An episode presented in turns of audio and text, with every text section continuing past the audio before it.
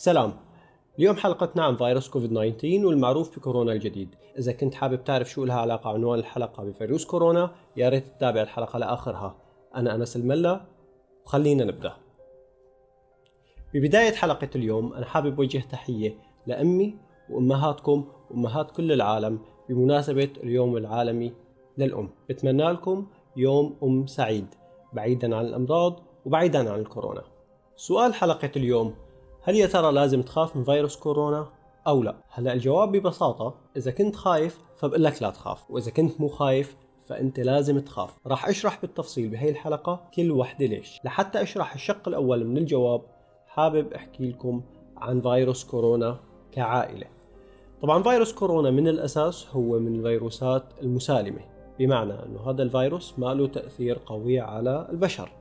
الفيروس هذا مصدره حيواني عادة بيصيب الحيوانات ما بينتقل للبشر. إذا انتقل للبشر بتكون أعراضه طفيفة ممكن تكون صداع ممكن تكون رشح خفيف ما بتتجاوز المرحلة هي. طبعا استمر الوضع على هاي الحالة لعام 2002 بداية عام 2003 يوم طلع فيروس سارس. طبعا فيروس السارس ظهر في نهاية العام 2002 وانتشر ببداية العام 2003 بمجموع إصابات 8098 إصابة تقريبا آه، ومعدل وفاة حوالي 9.8% يعني ما يعادل 774 حالة وفاة. تعتبر معدلات الوفاة بفيروس سارس عالية نسبيا ولكن الفيروس بدأ بالتقلص شيئا فشيئا حتى اختفى. بعدها بعام 2013 بداية عام 2013 ظهر لأول مرة أيضا الفرد الثاني من عائلة كورونا واللي تم تسميته بمتلازمة الشرق الأوسط ميرس. ظهرت في السعودية مدينة جدة تحديدا. فيروس ميرس سجل تقريبا حوالي 3000 حالة إصابة توفى منهم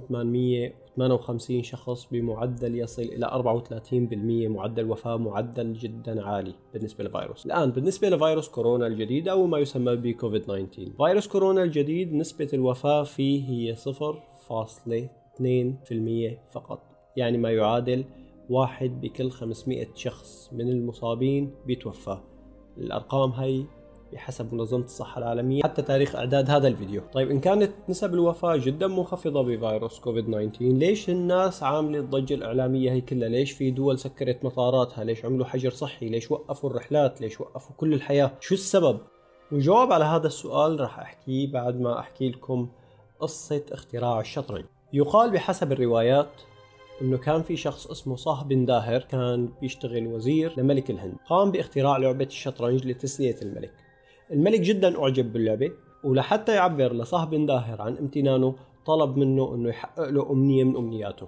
صاه بن داهر كان جدا ذكي طلب من الملك إنه يعطيه حبة قمح بالمربع الأول من مربعات الشطرنج ويضاعف الرقم بالمربع الثاني ويضاعف الرقم بالمربع الثالث حتى ينتهوا ل 64 مربع.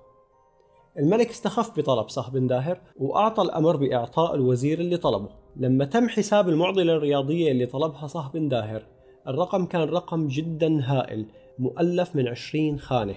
ولو اعتبرنا أنه وزن كل ألف حبة قمح هو 40 جرام تقريبا فالرقم المطلوب كان هو 550 مليار طن من القمح. هذا الرقم بيعادل إنتاج العالم كله اليوم من القمح ضرب 900 مرة يعني ضرب 900 سنة. تضاعف الأسي للأعداد. هو مضاعفة الرقم بكل مرة أنت بتنتقل فيها من خانة لخانة تانية. بمعنى لو أنا معي 100 طلبت منك مضاعفتها حتصير 200 الخطوة اللي بعدها ال 200 رح تصير 400 وال 400 رح تصير 800 وال 800 رح تصير 1600 وانت ماشي. الخطوة الأخيرة دائما بتعادل كل الخطوات اللي قبلها وبالتالي لو وصلنا لرقم مليون الخطوة اللي بعدها راح تكون مليونين لو وصلنا 10 مليون راح تكون 20 ولو وصلنا 100 مليون راح تكون 200 مليون. وقبل ما تمل من الفيديو وتسكره خليني أحكي لك شو لها علاقة لعبة الشطرنج بفيروس كورونا. صحيح إنه فيروس كورونا يعتبر فيروس بنسبة وفيات جدا بسيطة ولكن مع التسارع الكبير جدا بانتقال العدوى من شخص لشخص ثاني هذا بحطنا قدام أعداد هائلة جدا من المصابين.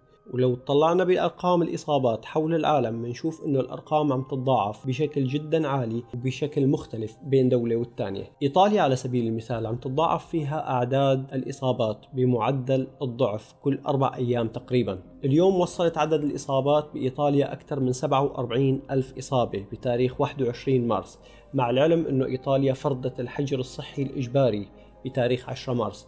بهذاك الوقت كان عدد الإصابات 10000 حالة واليوم وصلت 47 ألف حالة. التضخم الكتير كبير بهذا الرقم كان مع وجود حجر صحي كامل على إيطاليا. التسارع بازدياد عدد حالات الإصابات بإيطاليا تم مع وجود حجر صحي. وعدد الوفيات بإيطاليا تجاوز 4000 حالة وفاة منهم 600 حالة فقط يوم أمس اللي هو 20 مارس. بإيطاليا الأرقام كانت بالعشرات تحديدا 21 حالة قبل شهر من تاريخ اليوم واليوم عندهم 47 ألف حالة. لهيك من واجبي ومن واجبك ومن واجب كل شخص إنه يقعد ببيته ويحاول يحمي نفسه ويحمي عائلته من الفيروس لأنه هذا واجبي وواجبك إنه نوقف ضد هذا الفيروس لحتى يوقف انتشاره. إن كنت بتحب أمك عن جد اليوم فرصتك لتعبر عن حبك الحقيقي لإلها وتعايد عليها على التليفون. مثل ما صار معروف عند الناس كلها إنه كبار السن هن أكثر ناس معرضين للتأثر بالمرض. هن أكثر ناس عم تسجل عندهم حالات وفاة. لهذا السبب أنا بقول لك اليوم لا تروح تعايد على أمك بيكفي تعايدها على التليفون. وإذا عتبت عليك ابعث لها هذا الفيديو لحتى تعرف سبب تخلفك عن زيارتها. الفيديو تبعي اليوم موجه للناس اللي لسه مفكرة إنه الموضوع مزح. للناس يلي تعطلت من مدارسها وجامعاتها وأشغالها طلعت على المولات وعلى الشوارع وعلى الحدائق لحتى تنبسط وتغير جو وتتسوق. الناس اللي متوكلين على الله الله أمرنا بالأخذ بالأسباب وحفظ أنفسنا وحفظ عوائلنا. الفيديو تبعي موجه للناس هدول. أكيد لا ما عندنا شيء نخاف منه نحن. جانا شيء أصعب من هيك بكثير وما خفنا منه. حبيب ما في تقول لي تعقم ثياب وكمامات وكذا. ما متعودين هيك نحن. وبنهاية حلقتي لليوم بحب أتشكركم إنكم كملتوا الفيديو لآخره.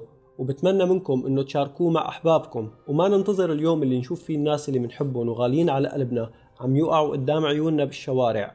عم يموتوا بدون رعاية طبية ببيوتهم. لأنه الدولة ما عادت قادرة تغطي أعداد الحالات اللي وصلت لمئات الآلاف أو الملايين. والكادر الطبي ما له قادر يقدم لهم أي مساعدة طبية. ولا تنسوا تشتركوا بالقناة وتفعلوا جر الجرس. حلقتنا الجاية رح تكون عن الصين. وليش عم تستمر بتصدير الأمراض لنا. سلام.